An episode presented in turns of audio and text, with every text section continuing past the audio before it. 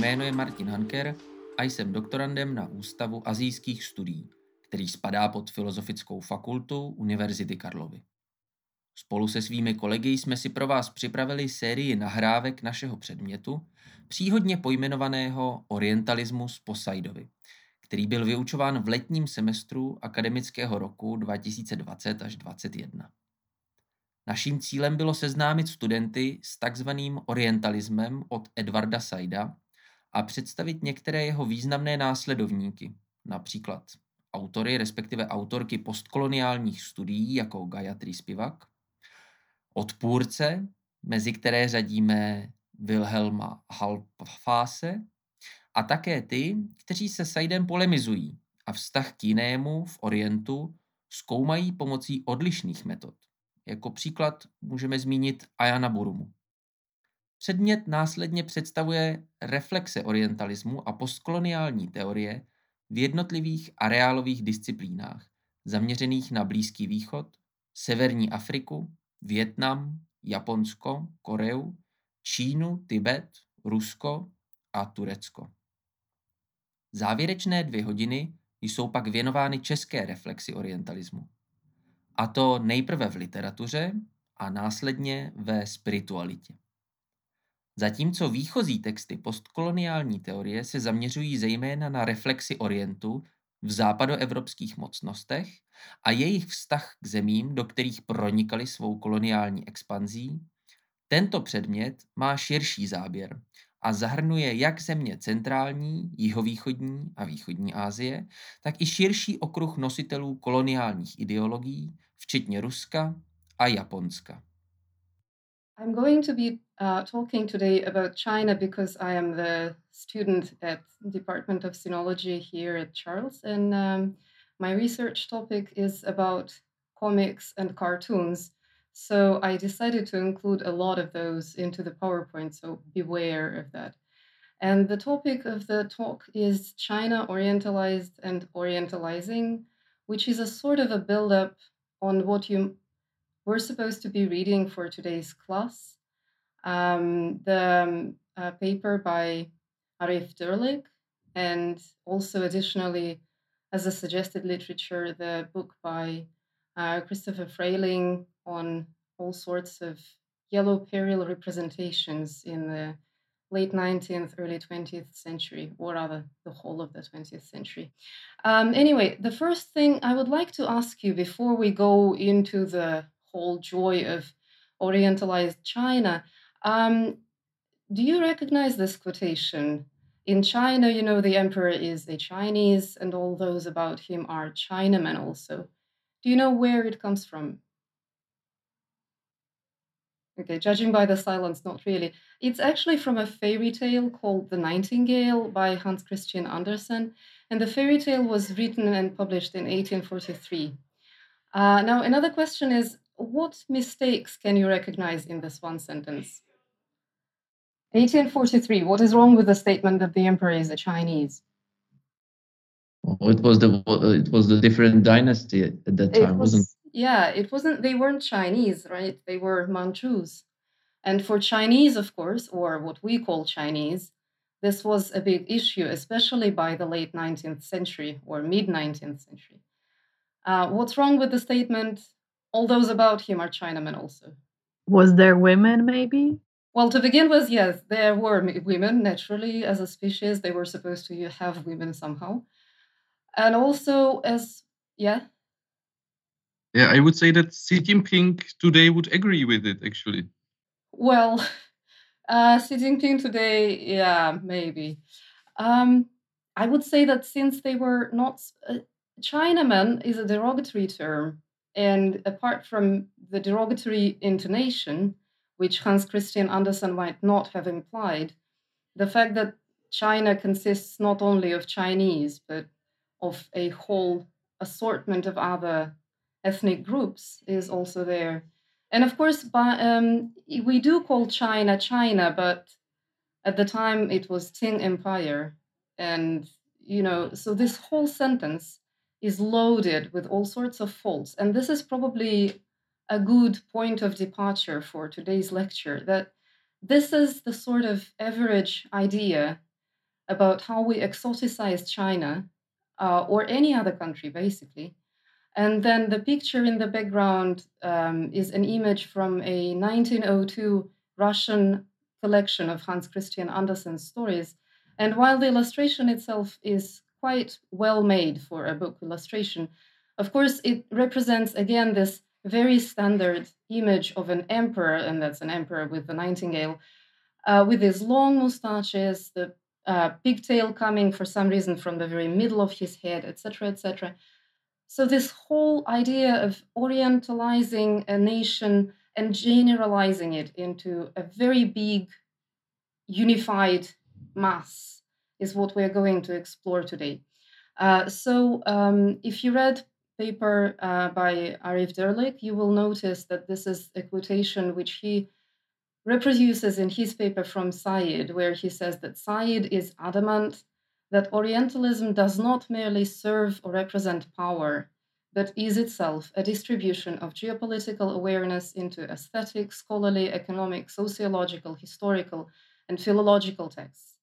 Now, let's try and see how this distribution of what Said and Dirlik term as geopolitical awareness merge into our perceptions of China or perceptions of China throughout the 17th, 20th centuries in all these spheres of um, human activity. So I will today start with the um, perceptions of China in the Western imagination from the 17th century.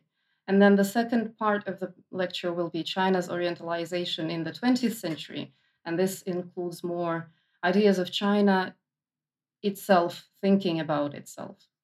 Um, and you might note the image for the background on this slide, which is a picture with the first page of the first one of the first translations of Confucian texts into Latin, uh, made in the 17th century and published in the 17th century.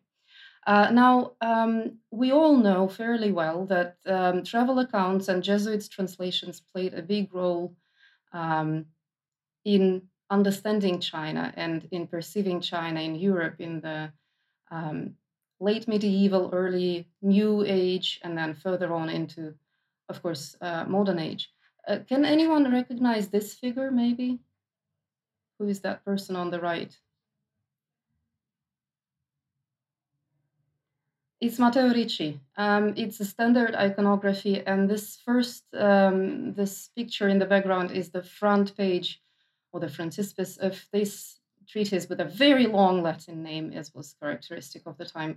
But basically, this is the treatise on China's uh, morals, laws, institutions, and other typical parts of what was noticeable about China which was compiled by Matteo Ricci and then further after his death by Nicolas Trigault.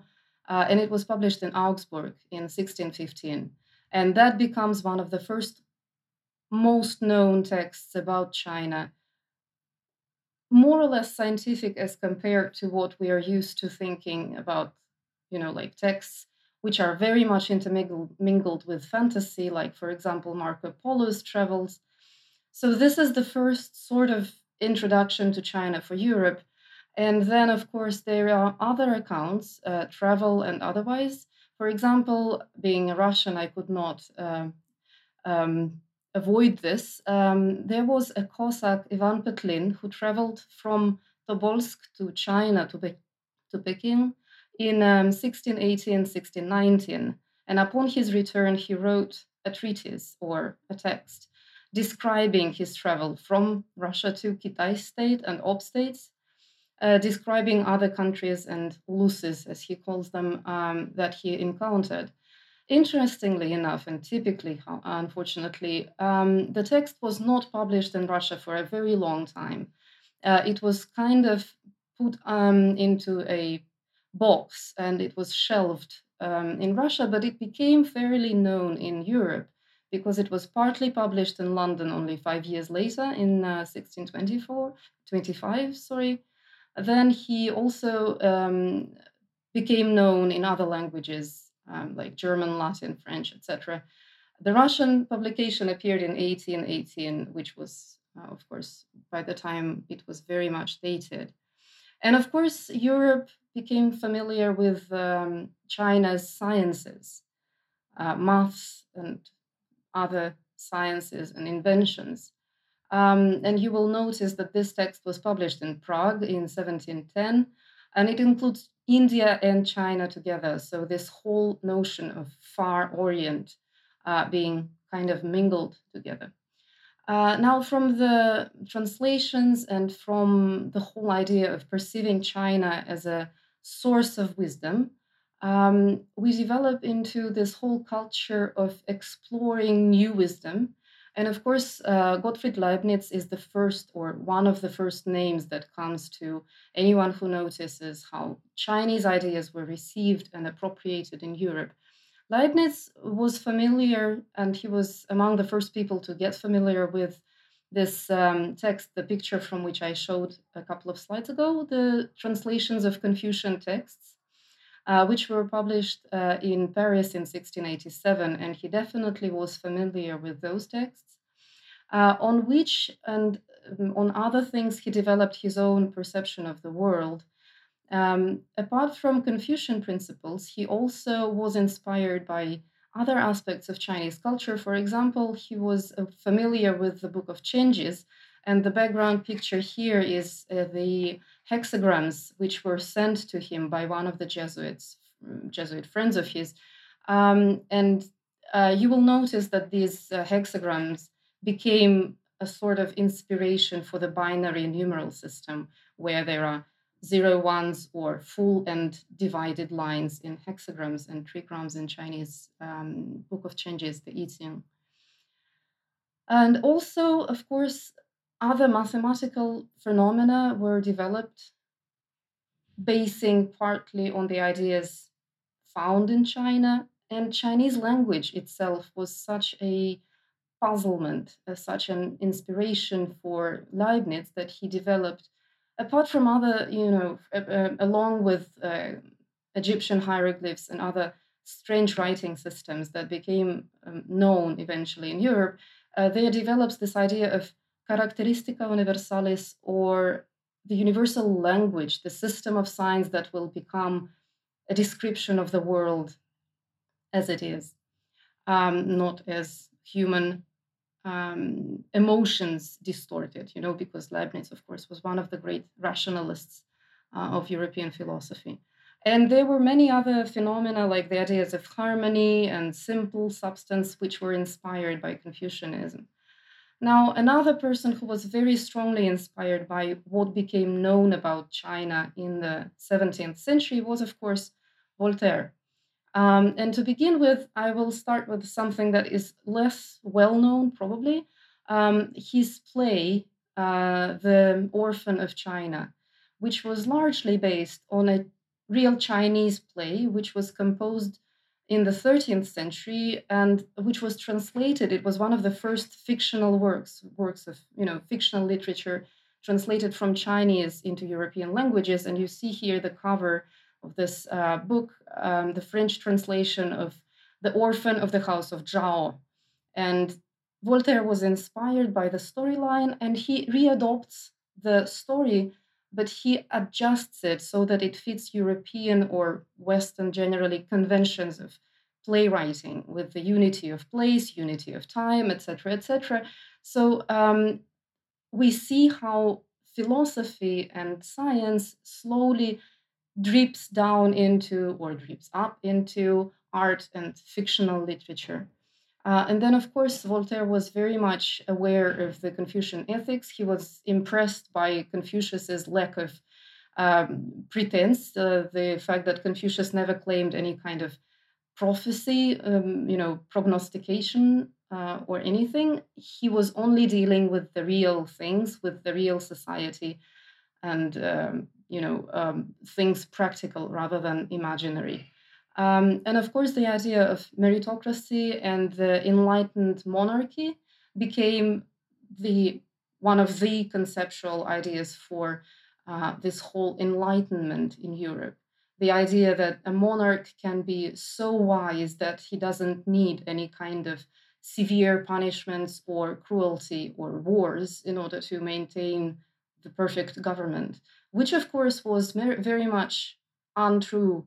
But at that time, the knowledge was mostly from texts. And also, China at the time was still on its upward part of the dynastic cycle. Um, and of course, as well, uh, Voltaire spoke about religious tolerance, again, saying, look at China, how it is uh, not fighting over religion, which was a big issue for Europe at the time. And then in, in more basic culture, you all know of the phenomenon of chinoiserie, uh, which was uh, very fashionable in the 17th and 18th centuries, which included and interspersed in all directions, including furniture, bagatelles, decorative items, architecture, furniture, you know, tiny things, big things, garden planning, clothes and fashion, um, fine arts, and everything. And it was um, ultimately embodied in this Rococo style, which was um, such a massive eyesore. If you, you, know, if you think of any Rococo building, it's too much. But that's what was uh, connected to this idea of leisure and luxury, because China and generally the Orient, as we also noticed from the previous lectures, were quite often um, exoticized through this perspective of joie de vivre, the joy of life and catching the moment and in not doing anything but spending your life with pleasure. Um, however, there is also the trouble with um, generalized perceptions. Um, so, if you read um, or if you had the time to read Frayling's book, he quotes Williams in there where they say the Chinese had moved from inferiority to superiority in Euro American perception without ever passing through equality and common humanity. And this is, of course, very important and it's equally applicable to the majority of Orientalized countries because there is this, they don't necessarily move from inferiority to superiority or vice versa, but rather they remain at the same time inferior and superior, but never human as equals. Um, and this is very interesting. Also, I would I would say that this phrase, the quote that you see on the slide right now, it's partly true for the 20th century because Frayling is writing about how Chinese became from these inferior creatures into the supervillains. But for, if we see this movement from the 17th century, it is, of course, in the large picture, rather the movement from superiority to inferiority because by the 19th century, well, as you will all well know, China stopped being perceived as this example of moral government, perfect social arrangement, or any similar thing. It became a uh, you know a, a country which is drowned in corruption, which is incapable of self-defense, um, and which is happy to buy opium and smoke it all along. Um, and from there, I would like to move to this picture. Now, again, a question to the audience.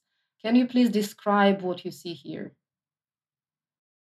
I would say that it symbolizes like Christian mission and mm-hmm. conquest done by probably British. If yeah. take a look at the armor. Yeah, that's right. So this figure represents Britain, Britannia. Okay. And the land they are conquesting is in disarray. Mm, yeah, exactly. So this sort of land is uh, in some kind of disorder, right? Um, this figure is supposedly.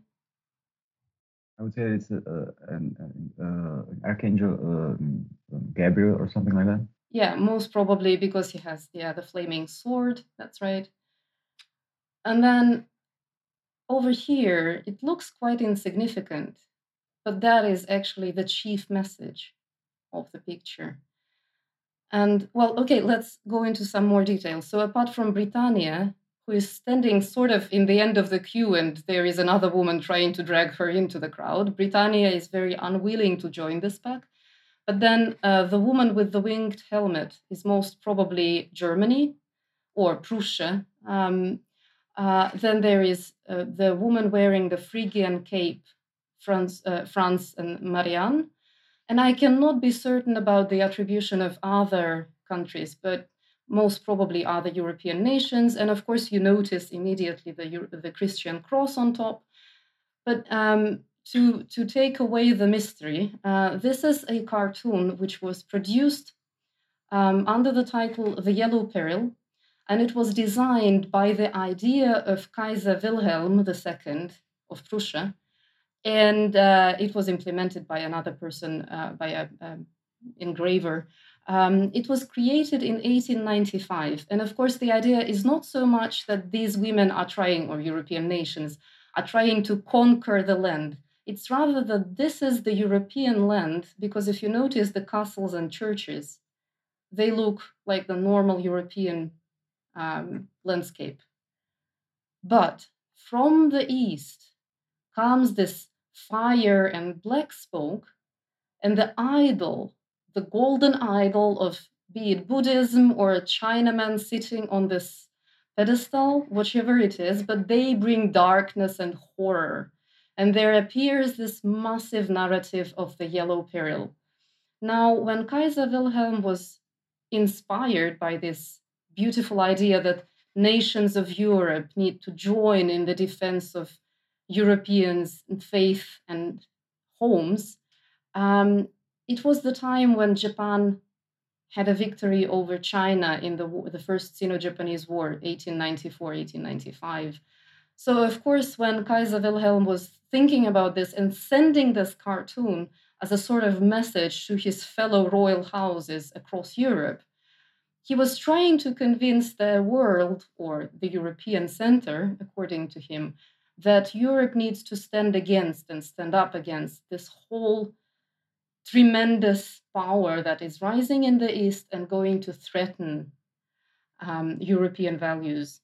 So, wars in Asia, the Opium Wars, the Indian Rebellion, all sorts of conflicts elsewhere um, became an issue of the 19th century.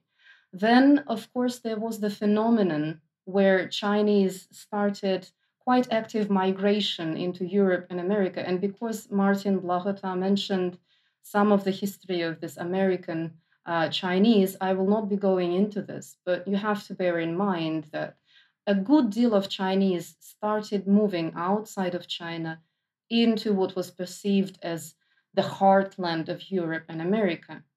Um, it stimulated the development of racial theories uh, with this idea that there are um, Mongoloids, Europeoids, and Afroids, the white, black, and yellow, basically, and hence this um, word um, yellow peril or yellow threat um, and then, of course, the fact, like I mentioned, the fact that Japan had victory over China, and even more importantly, it won over Russia in 1905 in the Russo Japanese War of 1904 1905. Uh, that triggered, and uh, of course, Kaiser Wilhelm could then write to Nicholas II saying, I told you so, uh, and you didn't listen. Uh, so, this whole mm, amassing of ideas how East is going to attack West and Japan and China will sort of unite and attack and destroy the West. That became a standing idea. Uh, of course, it was only further triggered by the Ichetuan rebellion or Boxer rebellion, as, as it is better known, uh, where they either indeed killed a number, well, they did kill a number of uh, Westerners in China, and also, of course, this was very much exaggerated, and the, um, the, because this was already the time of photographs, there's visual horrors of a Westerner being killed by an Asian, and the corpse is mutilated to the degree of unrecognizability. That, of course, only further triggered this panic and hysteria of perceiving the Asians as a threat. Um, this also gave the justification to policies towards Asian colonies and semi colonies, as for example China. And also, it's important to bear in mind that there was this very mixed perception of Chinese, Koreans, Japanese, Mongols, and you know anything that has almond-shaped eyes. Who cares about the details? Um, and if you, again, if you uh, know about the statistics of how many Chinese, for example, lived in London, There were a couple hundred um, in the late 19th century. But from this couple hundred Chinese, there was this over exaggeration from a fly into an elephant, uh, because, of course, apart from Chinese, there were also Japanese, Koreans, uh, Lascars, what was called uh, Lascars, uh, which are um, southeastern nationals in, um, in in Europe, etc., etc.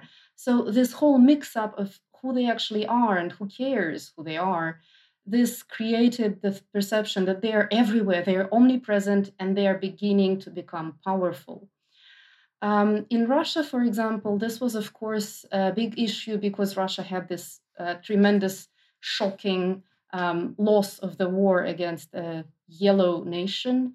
And this is a cartoon from the PhD paper by one of my former colleagues um, who uh, wrote a, a, paper on yellow peril. Um, and uh, this image is from 1904. And as you see, there is this dragon, the embodiment of Asia or China, Japan, whichever you choose. And he's pretty much vomiting up these hordes and hordes and masses of bodies, which are indistinguishable one from another. They're just flowing in this horrendous mass of um, bodies which will come and engulf and encroach and swarm. And there are all those words which mean that there will be a mass of threatening identical creatures coming and attacking us. So there is um, this idea of depersonified mass, of yellow hordes. But then, of course, it is very much juxtaposed to the idea of personified threat. For example, Dr. Fu Manchu. Uh, and I don't know how many of you actually watched any of the Fu Manchu films or read any of books about him, uh, but they are quite an assembly of um, stereotypes. I will show you a couple of slides later.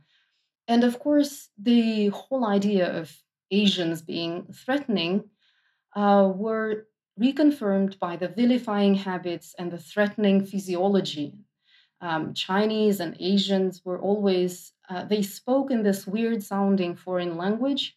They had very peculiar behavior. They ate unusual food. They wore exotic clothes. They um, got engaged in mysterious rituals and religion. And they were probably spreading some horrible diseases that science has never heard of. They practice strange torture and they are very indifferent to death. So it's all this strange, un, unusual alien ideas about what Asians are, which of course have very little to do with reality, but who cares about that? And of course, there was the habit of opium smoking. And beautifully, again, um, there is a phrase that um, uh, in Europe, some of the theoreticians behind this yellow peril notion, uh, they would say, well, Chinese have always smoked opium uh, and they will always continue. Well, they didn't always smoke it. It was actually Europeans who brought opium as a drug to China, right? So this whole guilt assignment is, of course, also askew. But from here, it is probably useful to bear in mind that this is, again, still very much the same as Orientalism in a wider sense. And this is a cartoon from 2001, and it was published soon after 9 11 and this was the time when the states were going through the discussions over what to do and how to step down on terrorism. And you see here that there is this bunch of pesky kids in the car, keeping asking their father, um, Are we there yet? Are we there yet? And the um, father is very much intent on concentrating, he's concentrated on the idea of driving the car through this hordes of flying fly like um, terrorists. And of course, there is this complete and utter dehumanization in the, in, in, representa- in the representation of people as flies. And this is similar to an extent to the way China and Japan were again depicted in, for example, the Crocodile magazine. And this is quite a different situation because in 19, uh, 1938, uh, and Crocodile, I have to remind to the younger ones of you probably uh, that Crocodile was the um, magazine of satire and um, political cartooning published in the Soviet Union from 1922 all the way to 1991, and it even continued after the Soviet Union collapsed. It was similar to what you had here in Czechoslovakia as uh, Dikobraz and Rohac. Um, so this magazine uh, in 1938 published a couple of cartoons where it was trying to support China's defense against, or China's resistance against Japanese aggression, because 1937, as you will know, was the year when the Second Sino Japanese War started. But it's very interesting. So, in the first cartoon, in the left one, you see that there is the map of China, which is sort of covered in a, some kind of gooey substance which makes the Japanese flies, which are uh, signed like this, they are samurai flies, it, it makes them get stuck. So Japanese get stuck in this mass of China's territory. But it's an interesting representation of a war of resistance, isn't it? Instead of representing people fighting, it represents insects getting stuck to a piece of paper, which is again a kind of dehumanizing metaphor, even though Crocodile was obviously trying to support China in its war of resistance. Or there is another similar one where the roles are slightly changed. So here the insects, the bees, are Chinese who are trying to defend their houses, the beehives, against the Japanese bear. Now, again, to represent a resisting nation as bees, bees are, of course, in Russian you know mentality and um, perception. Bees are far more useful than flies but it's still not exactly a very human metaphor is it? So this is a very peculiar way of looking at a nation or at a mass of nations. And again who will actually notice the difference between these and those insects? Flying creatures who cares? Um, and again um, in a similar period in the west um, slightly earlier, there was the first film from the Fu Manchu series, made in 1932, and you immediately this is this um, the moment when you see Fu Manchu for the first time. So this is the film, and from the start of the film, you get this idea that there is this horrendous villain who is going to um, assemble forces and destroy civilization. And look at this. So, first of all, of course, the actor who plays uh, Fu Manchu is a Westerner. It was Boris Karloff. He is my, made up to look, I don't know, Chinese. Can you call this Chinese? Vaguely. Um, but he's placed right next to this convex mirror, which distorts the face, the face that is already made to look quite intimidating it's made completely unhuman by this distorted, shapeless mouth, nose, and slanting eyes. But then Fu Manchu has a daughter. And this is the daughter of Fu Manchu, obviously a very Chinese girl. And of course, every China girl was uh, wearing this sort of hairdress on the daily basis in 1932. There is no doubt about that and she makes a prophecy at the banquet that his, uh, her father is holding. And she says, Genghis Khan comes back. Now, how are Chinese supposed to be delighted about, about the fact that Genghis Khan comes back? But of course, this is not intended for Chinese. This is for Western audiences who consider Genghis Khan to be the conqueror in human history. Um, and of course, she then says um, something, we will come swarming to recapture the world. And she actually uses this very word, swarming. You know, again, it's this perception uh, on the verbal level as well as on the visual level. We perceive Asians, Chinese as a mass of creatures without individuality or identity. And of course, I will not go into the details of who these creatures are. Maybe they are magi from greeting Jesus, who knows. Um, and from here, we move to something that, you know, we think, well, okay, this was 1932.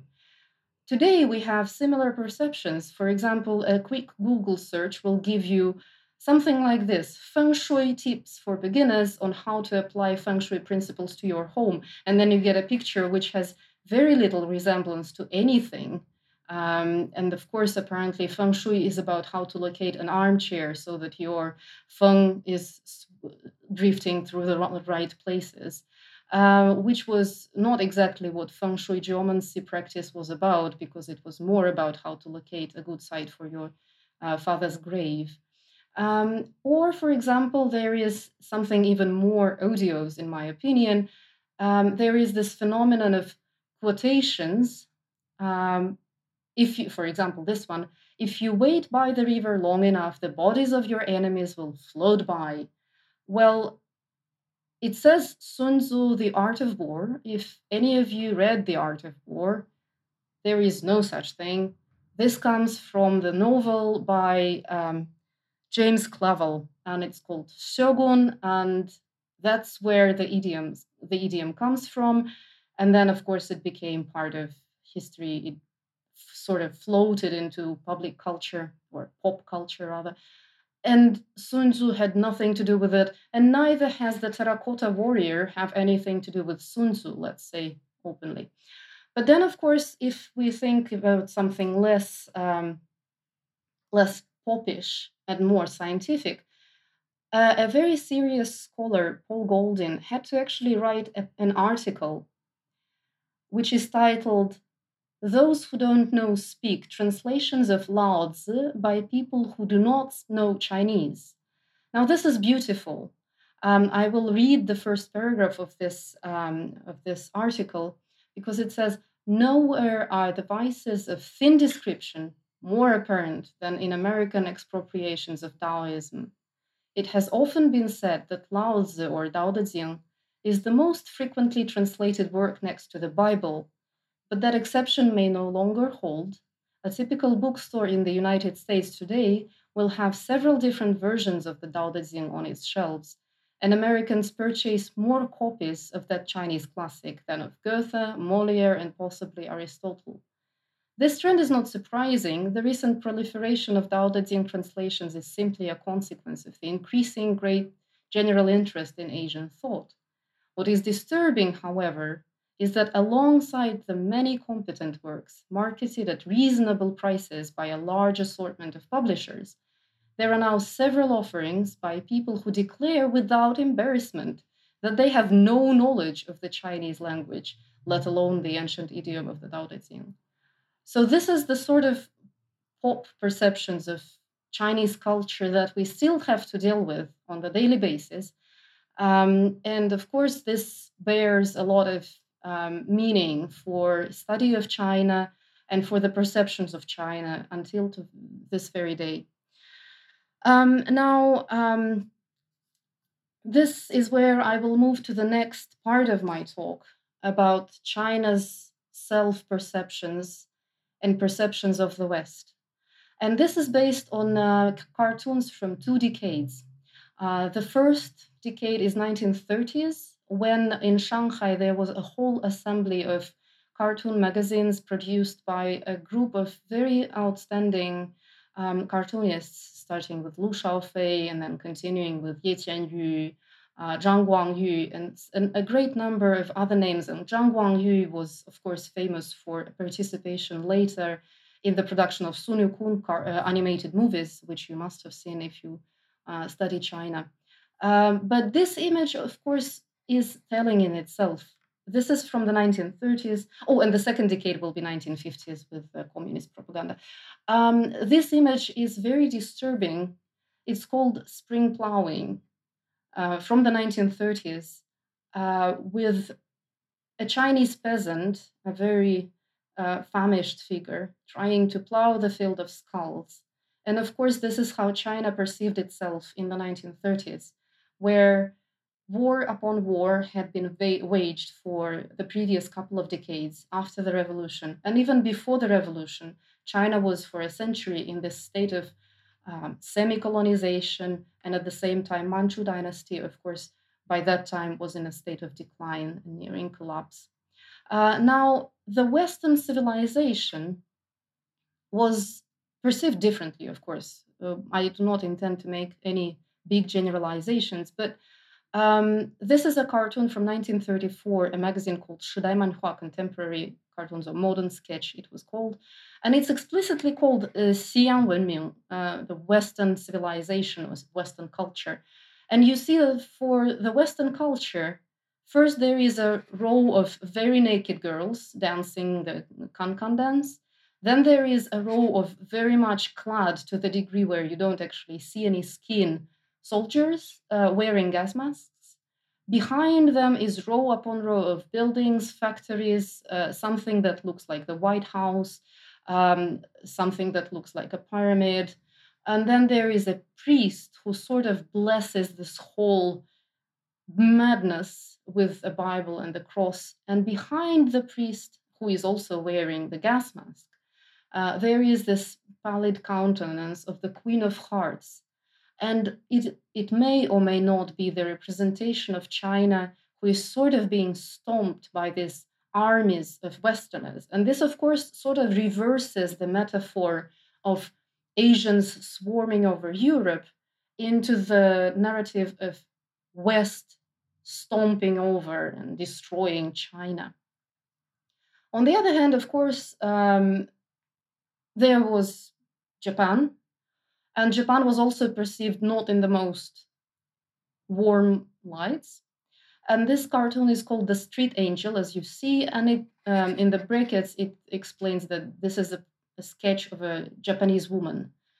Uh, now, I will not go into too much details, into too many details here, but again, you see that the Western influence, apparently on Japan in this case, has led the country to this state of prostitution, bars, sailors, and general vice.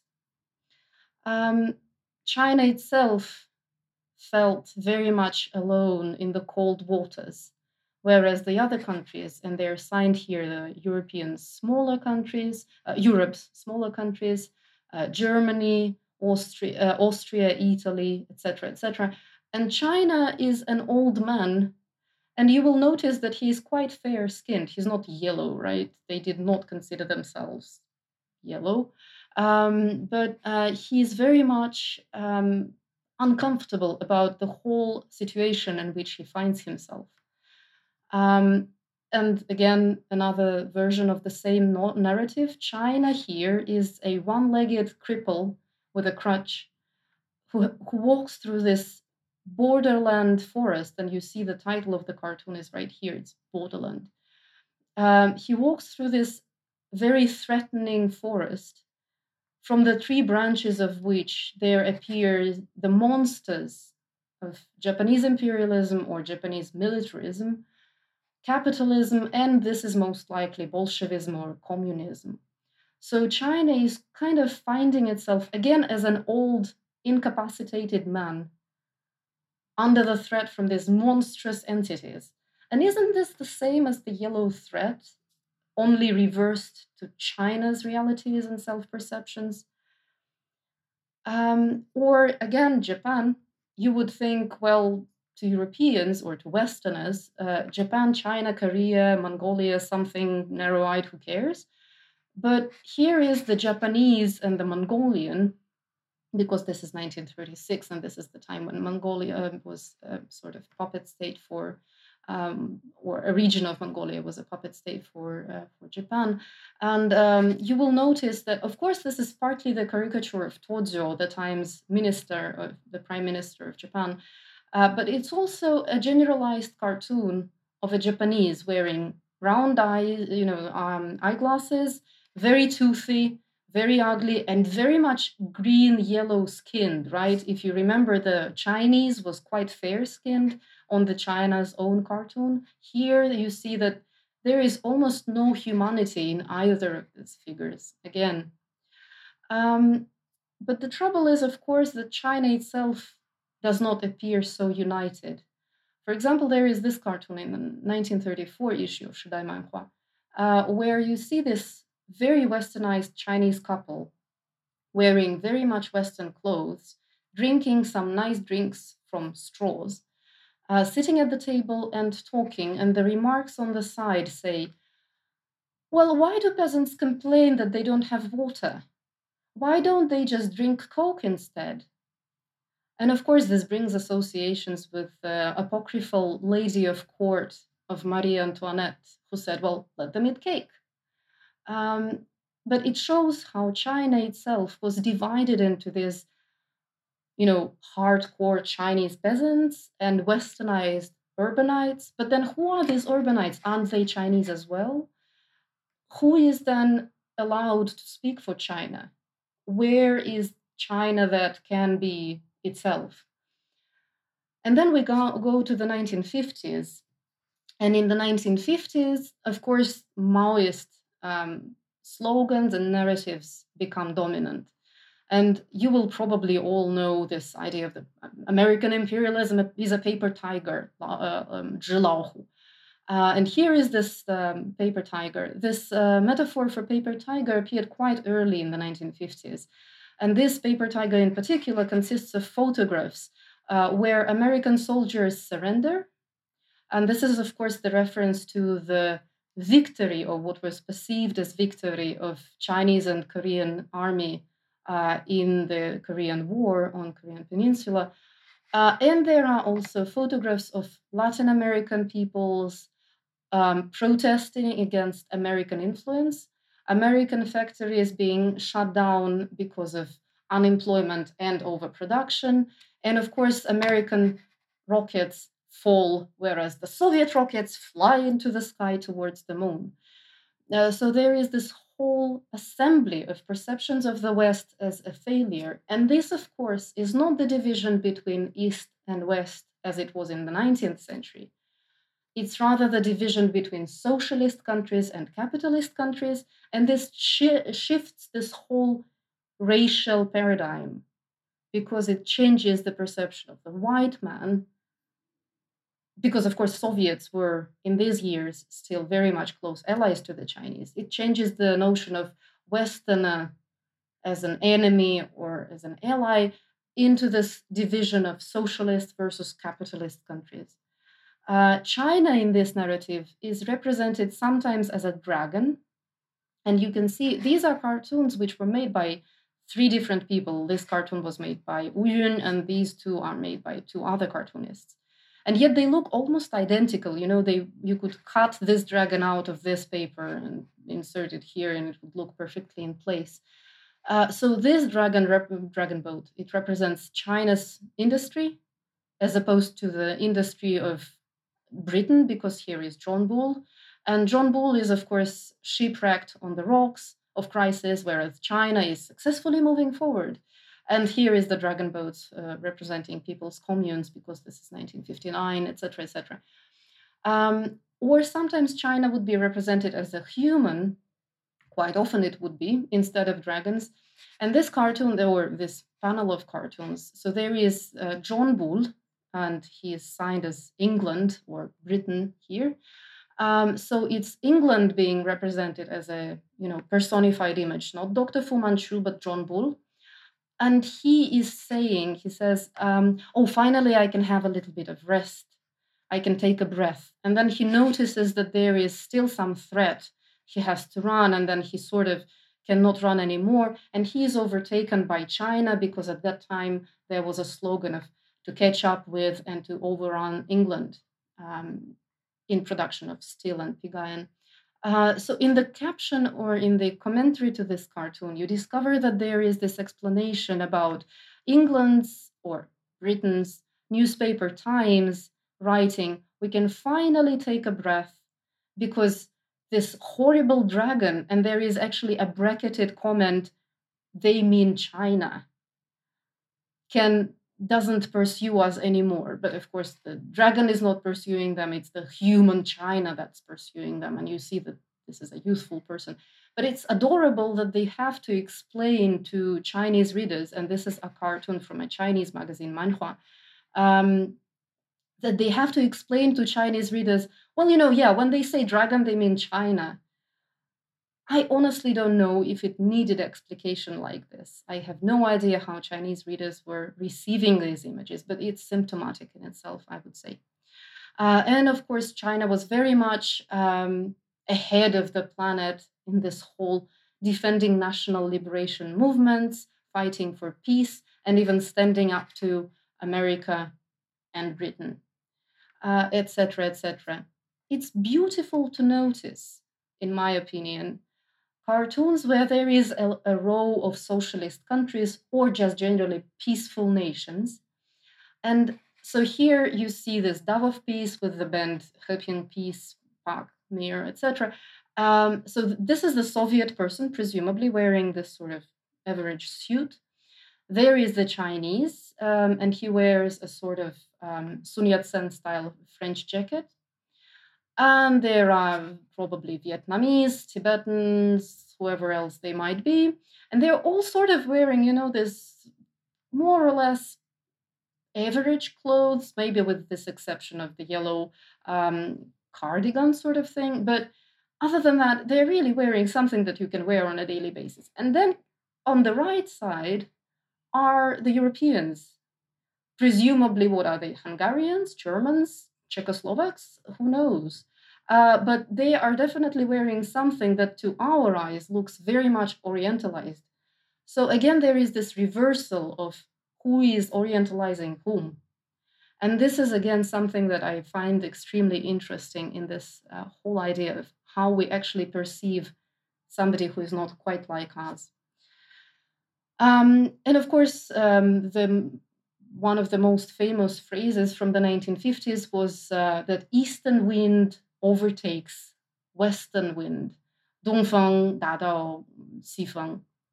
Um, and again, this is a beautiful cartoon made by uh, Zhang Guangyu, I think. Yeah, Zhang Guangyu, uh, where the sun of socialism is rising, whereas the sun of capitalism is falling down into crises and graves and all sorts of horrors. Uh, from here, let us move to more contemporary times. And I have a typo here, which I did not notice. Beijing is spelled with one I, not two, in the first syllable, sorry. Uh, but Beijing Olympics in 2008 became an important moment for China. They were so important that 10 years later, in 2018, there was an article to commemorate these Beijing Olympics. And there was not only one article, but there was a whole publicity action to commemorate the great achievements of the Olympic Games in China. And in this, um, one of the articles, it says, describing the opening ceremony of the Beijing Olympics. It says the first part, brilliant civilization, highlighted Chinese civilization, and the second part, Glorious Era, showcased modern China and its dream of harmony between the peoples of the world. Beautiful, isn't it? And then, of course, it went beginning with the unfurling of a giant scroll painting. The ceremony went on to present the nation's written script, an operatic stage, ritual music, and the four great inventions the compass, gunpowder, papermaking, and printing. Icons such as the Silk Road were also interpreted on stage to highlight China's opening and creativity. And of course, well, the photograph is the printing uh, technology. Um, showcasing the achievements of China's civilization is something that brings to memory what uh, Dirlik writes about how Orientalized nations seem to rely on their past so much. But for China, this reliance on the past is very much a, a, a trampoline to jump further into the future and to reclaim its important position in the world. Because, of course, for China, it was never um, a sort of loho, you know, backward nation, apart from some unfortunate years.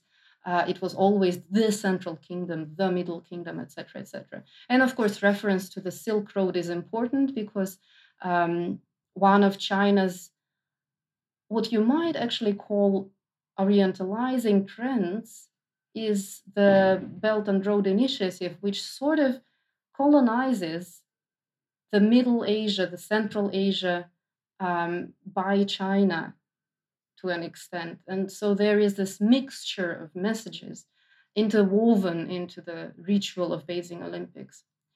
Um, and of course, there is also the issue of cinematic battles and you will remember last year's scandal. But before we go to last year's scandal, um, I would like to remind you about Kung Fu Panda. And um, there was also some scandal about Kung Fu Panda because some Chinese critics have called for a boycott because Steven Spielberg, an executive at DreamWorks, quit his role as artistic advisor to the Beijing Olympics to protest China's links to the Sudanese government. And um, again, this is a reference to the Beijing Olympics. And um, it's amazing how a film can become a symbol and a weapon to demonstrate the protest against, against something. Um, and there was also a Chinese artist who features pandas in his work, Zhao Bandi, uh, who also called for people to shun the film, saying that foreigners were profiteering from China's national symbol. So panda can only be used by Chinese because pandas are only in China, and you know there is such a phenomenon as panda diplomacy, etc. Um, and last year's scandal was, of course, around Mulan, um, because be, even before the film appeared, uh, even before it became uh, an item, uh, the actress who played um, the chief role, the key role in the film, posted a tweet about um, her support of the Hong Kong police um, against Hong Kong protesters. So of course there was the outcry in the outcry in the West. How can she say something like this? Then later, when the film was published, as you will uh, know, um, the scandal was uh, about how uh, in the titles the producers thanked Xinjiang government for supporting because some of the filming was made in Xinjiang, and people were saying, "Well, how can you support Xinjiang government because it's um, uh, while it's uh, torturing Uyghurs? Apart from Uyghurs, there are Kazakhs and a number of other ethnic groups. Um, how can you support them? They are torturing people, and you say thank you on behalf of the Disney Corporation." Uh, but inside of China, there was also a great deal of contradiction over the film. And so, for example, there was uh, a number of um, reviews, and one of them said the shell was Chinese, but the soul was, soul was still foreign. Uh, it was a foreign, superficial understanding of China. Or another review said the background story of Mulan is that she wanted to take her father's place, protect her family, and defend the people. But the film turned Hua Mulan into a palace guard protecting the emperor. The people that Hua Mulan wanted to defend became the background. Uh, and this is a review posted on WeChat. So it was, um, you know, it's spoken by Chinese about their own um, narratives, which was then reappropriated by the West. Or also, there were, of course, also voices um, in support of Uyghurs. Uh, for example, a woman uh, said, As a sister of a concentration camp victim, a woman, and an attorney, I believe in female empowerment. But when I saw that they partners with these Xinjiang agencies, I felt that they were reducing Mulan from a symbol of female strength to an endorsement of female oppression. Uh, and you will probably know that uh, Mulan has been boycotted by the more um, active, uh, you know, politically and socially active people um, on principle uh, that this does not fit either China's view of the world nor the Western values. So, such a simple thing as a film suddenly becomes the object of a fight over the whole thing. But then, of course, this brings us to the last part. How could I do a presentation about China in 2021 without mentioning coronavirus? No chance. Uh, and there is this um, um, Swedish Korean girl uh, who started making cartoons about her clashes with uh, her fellow citizens um, when uh, you know on a daily basis when she leaves the house and she encounters all sorts of uh, discrimination against um, again yellow you know uh, just because she is asian she suddenly encounters all sort of uh, offense and abuse. And she had uh, she gave an interview and the interviewer asked her you have a background in studying languages and comparative literature there have been top government officials in the US using phrases like Chinese virus and reportedly Kung flu. Have you seen a connection between harmful language and the rise of xenophobia toward the Asian community? And she answered, the imagery that is being used and the language that's being used is not new. It's just that now people are using coronavirus and COVID and linking the medical language to this sort of yellow humor, yellow peril idea, and putting them together. I definitely believe that language can be used to dehumanize people and that it can cause great harm. Um, and this uh, brings me to my concluding remarks. Um, first, that uh, obviously yellow peril is still very much alive, and it might be partly that closer interactions without trying to understand each other deeper are actually only triggering it rather than solving it. Um, this whole fashion for all sorts of things Chinese, you know, wisdom of Confucius, feng shui, and um, you know all sorts of exoticism, um, and other varieties of what to me are explicitly false knowledge is still very much here, and it's amazing how in the time of you know Google being a click away, uh, we still fall for all sorts of um, strange knowledge.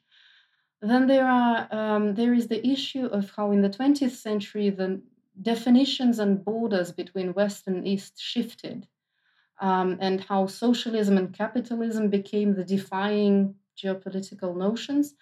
But today's juxtapositions are, of course, quite different from what was in the middle of the 20th century. And there is an idea that uh, later on there will be the clash between colonizers and colonized. And there is a question of who ends up on which side. Or, of course, there is um, Huntington with his Clash of Civilizations, uh, but that's something that I will not go into.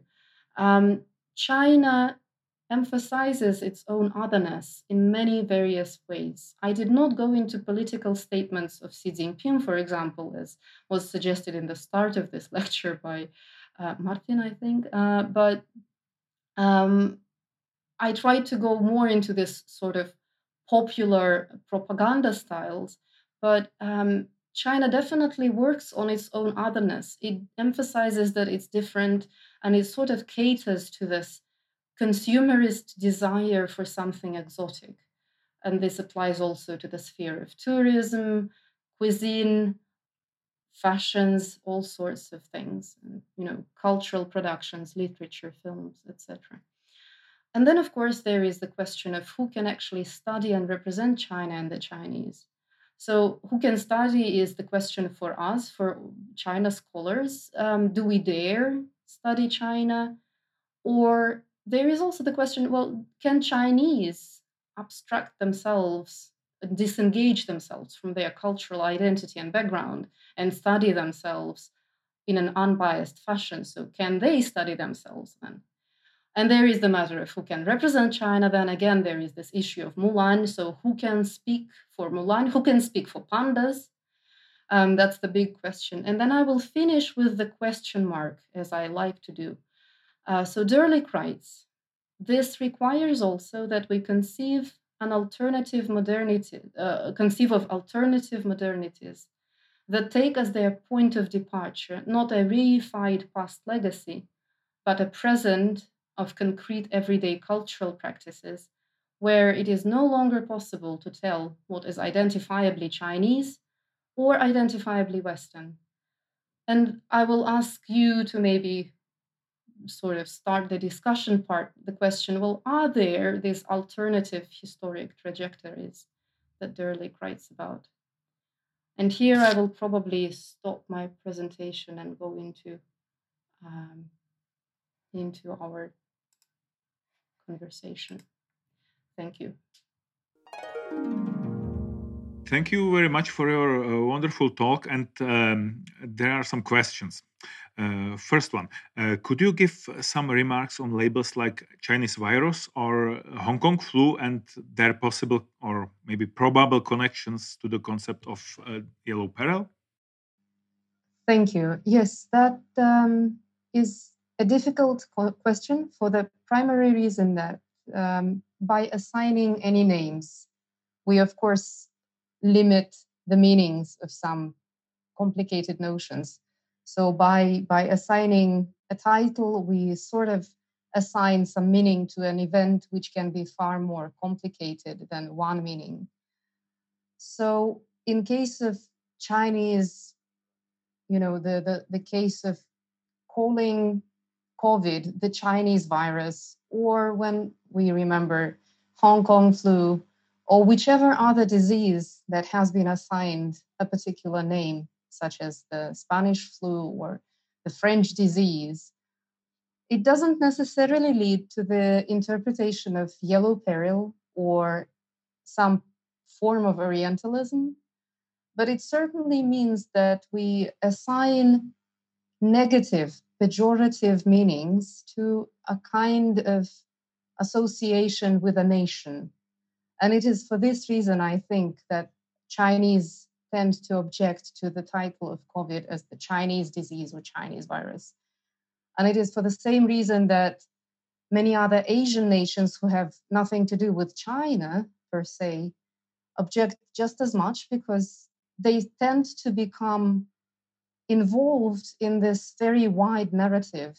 For example, when Koreans are confused with Chinese outside of Asia, and they are suddenly forced to carry the, if we may call it so, the guilt for um, the virus that happened to occur in China. So I would not say that this is not quite the representation of yellow peril. It, it coincides with the yellow peril in the sense that it, the virus comes from Asia. So there is this idea of Asia as the place and the source of um, malignant diseases and some unpredictable horrors. But I would say that it's not necessarily an Asian phenomenon, right? Such attribution of a nation to something that is negative, it can be found outside of Oriental cultures. So it's not so much Orientalism as a sort of xenophobia in general. When we attribute something negative to a culture which is in some sense antagonized or opposed to our own culture. And I think that's uh, what I can say. Does the yellow peril uh, pervade all Western knowledge and imagination concerning China? Well, um, to answer this question, we, we need to probably deconstruct it into many layers. Uh, because, of course, uh, there is no such thing as all Western knowledge, nor is there such a thing as, you know, yellow peril that pervades everything. Um, yellow peril shows itself in a number of fictional works, as is shown in a great deal of research existing about it. It appears sometimes in comics, in, in fictional novels, in works of cinematography, but it's not omnipresent even there. It appears at times, depending on the political situation, on the imagination of the author, uh, or on the fashions of the moment. Uh, so even in fictional works, there is no such thing as omnipresent, ever pervading, or ever aggressive yellow peril perception. But if we speak about science or about political knowledge, I do not think that yellow peril is at all present there. So, for example, when we are speaking about uh, research, it can be assumed or it can be claimed with a great degree of certainty that almost no uh, experts on China have any sort of yellow peril perceptions of China because by traveling to China, by familiarizing ourselves with the you know the, the life and customs and political history and social arrangements in China, we learn that um, yellow peril has almost no grounds or it has very little to do with reality.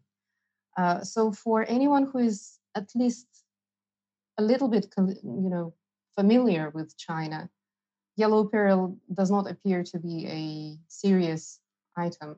It's a, it's a figment of imagination, I would say.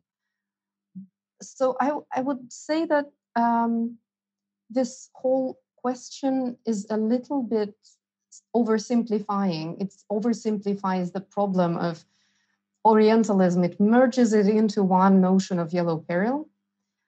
Uh, and at the same time, it sort of assumes that everyone in the West thinks the same way as everybody else, which is, of course, not not applicable on any plane of meaning. So I would say that no, yellow peril does not pervade Western knowledge of China, nor does it pervade Western knowledge of what we can call, in quotation marks, the Orient.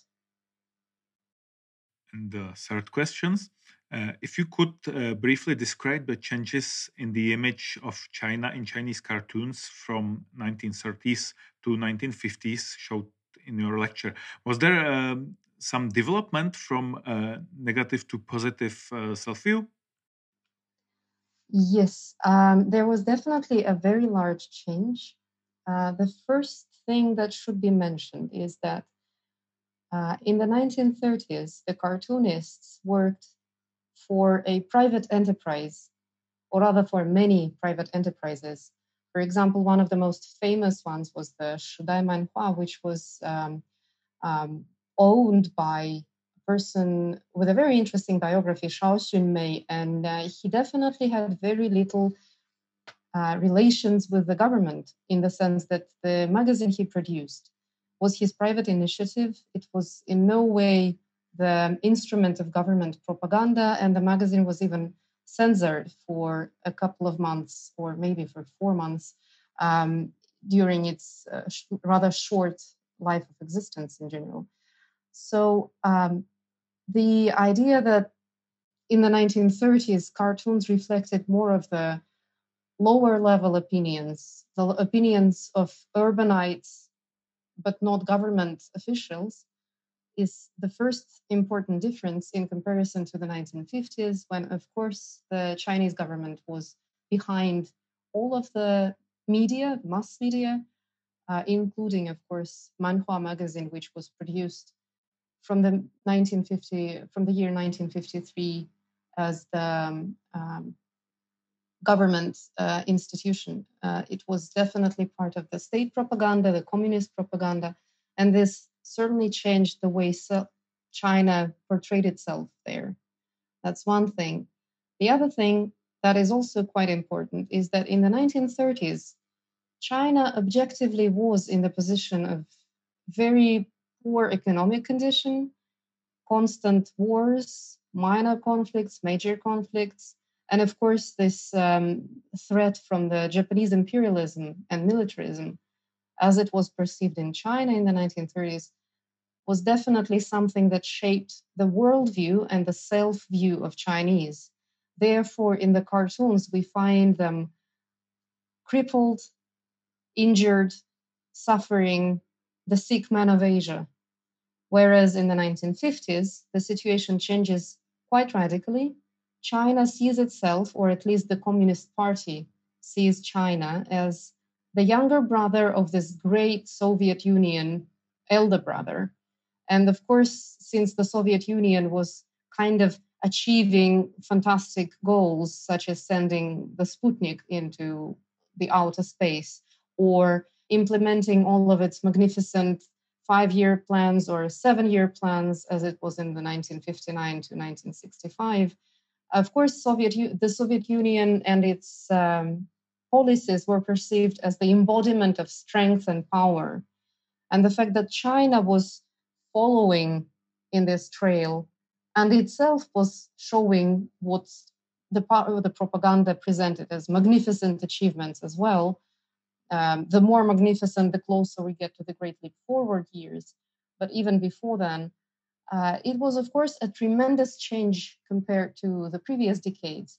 Therefore, the self image of China in the 1950s is this kind of um, rainbow colored magnificence, you know, with uh, all the glorious perspectives ahead of us. We are finally awakened, we are finally risen from our knees, and we're going to have a magnificent, glorious future. So this sort of self-perception was very strongly promoted in the cartoons from the 1950s. And this is, of course, fundamentally different from the pictures of 1930s. And it also refle- um, affects the way world and world affairs, international relations were seen in the 1930s and in the 1950s. So we find the West as the um, source of inspiration sometimes for the 1930s, but very seldom um, in the 1950s, because of course in the 1950s it's already the antagonism of two systems, two camps, the socialist camp and the capitalist camp. And this changes the whole perspective. So we have a next question. Uh, did the Orientalist representation of China, bo both in the East and in the West, uh, change after the proclamation of the People's Republic of China? Um, I think yes, and it's related to the answer to the previous question. Uh, because self representation of China was very much connected to being part of the socialist camp and of course, for countries outside of China, it affected how China was perceived for themselves. So, whether we're talking about, for example, the United States of America or the United Kingdom, of course, China became part of this red thread, red peril. So the color changes, but the, the, the, the word peril kind of remains. Or, for example, if we consider Soviet, the Soviet Union or other countries like I think Czechoslovakia, um, Poland, or other countries from the socialist camp, naturally belonging to the same camp me- meant that for everyone, official propaganda stimulated this idea of socialist unity, fraternity, equality, and all moving towards the same ultimate goal of communism. And I think this, of course, affects the way countries were looking at each other. And also, there was a great deal of contact between all the countries in the socialist camp. So there would be a lot of students going on exchanges. There were a lot of cultural partnerships, theaters exchanging translations of literature, and so on and so forth. And of course, this stimulates familiarization with each other, learning about each other. Um, so I would say this changes the, the, the whole framework. Instead of Orientalism as such, we end up with another form of antagonism. Um, the antagonism between socialist and capitalist countries again.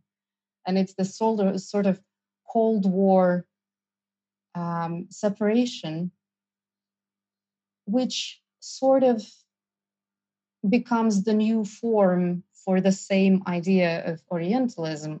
It's again the same us versus them, but the limits and the borders shift and change. And I, I guess that's what is important with the establishment of the People's Republic of China.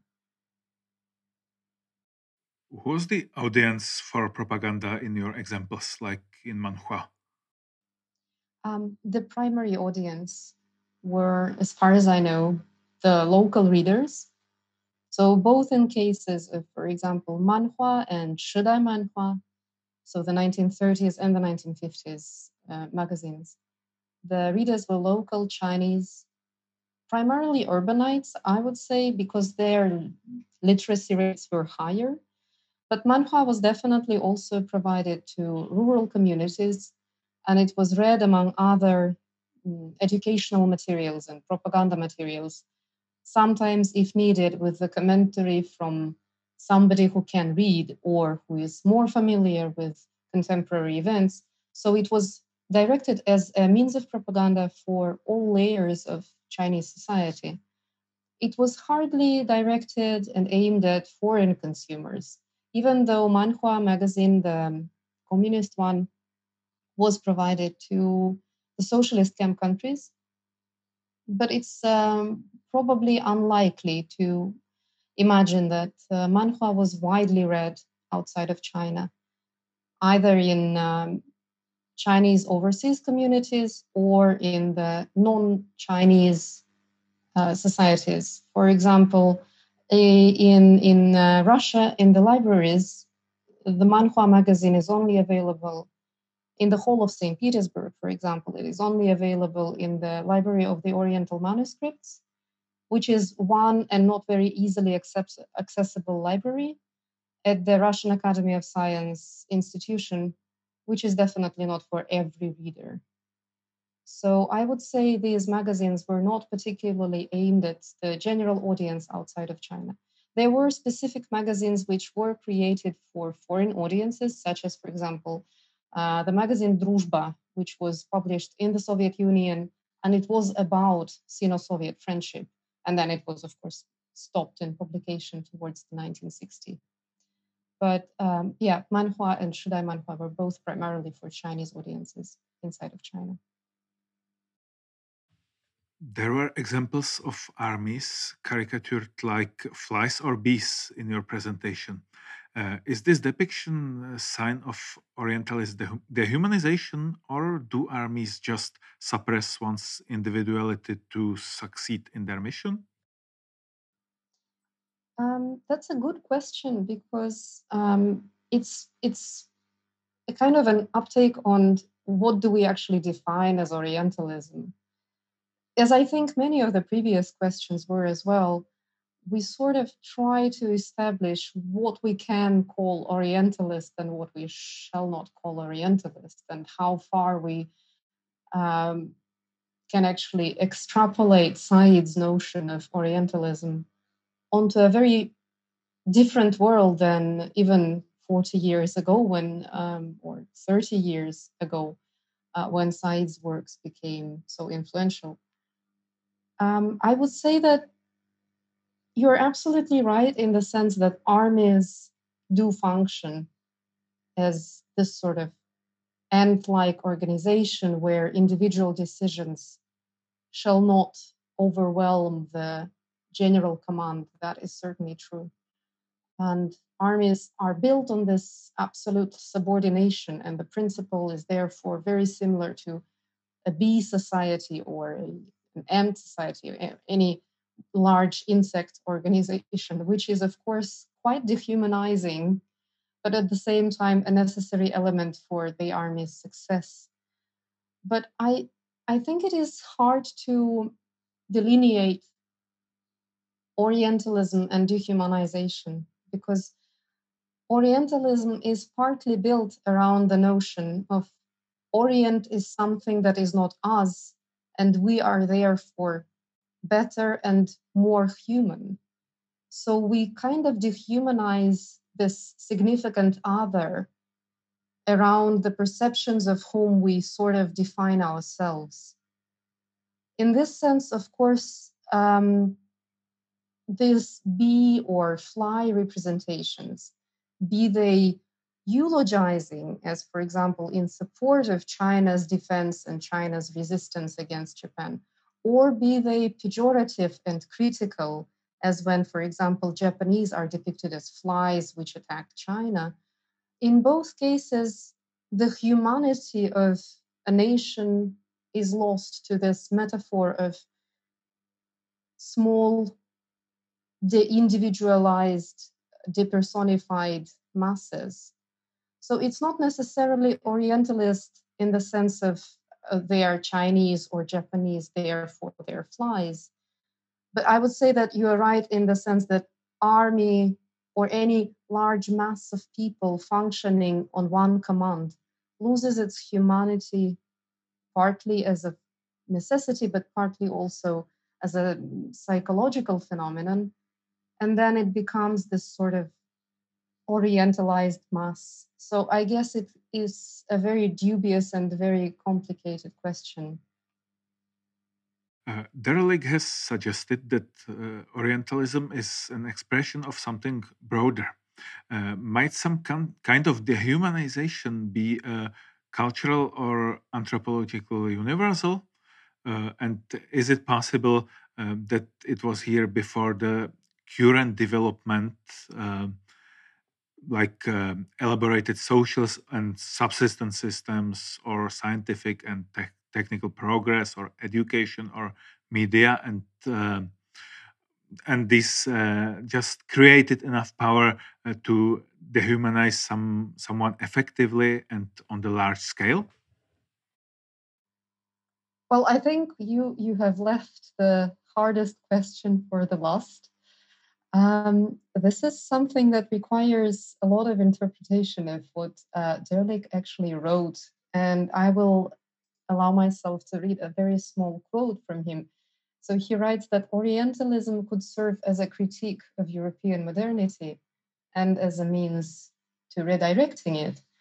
Uh, so he doesn't actually say so much that Orientalism was an expression of something broader, as rather he suggests that Orientalism was in this constant interaction with um, the countries both producing it and inspiring it, so both for the West and for the so called Orient. Um, and I think it is also important to keep in mind what Dirlik writes about his own endeavor from the very start. He says that he would try to uh, reconsider Said's notion of Orientalism from the point of view of how Asians actually participated in the construction of the Orient.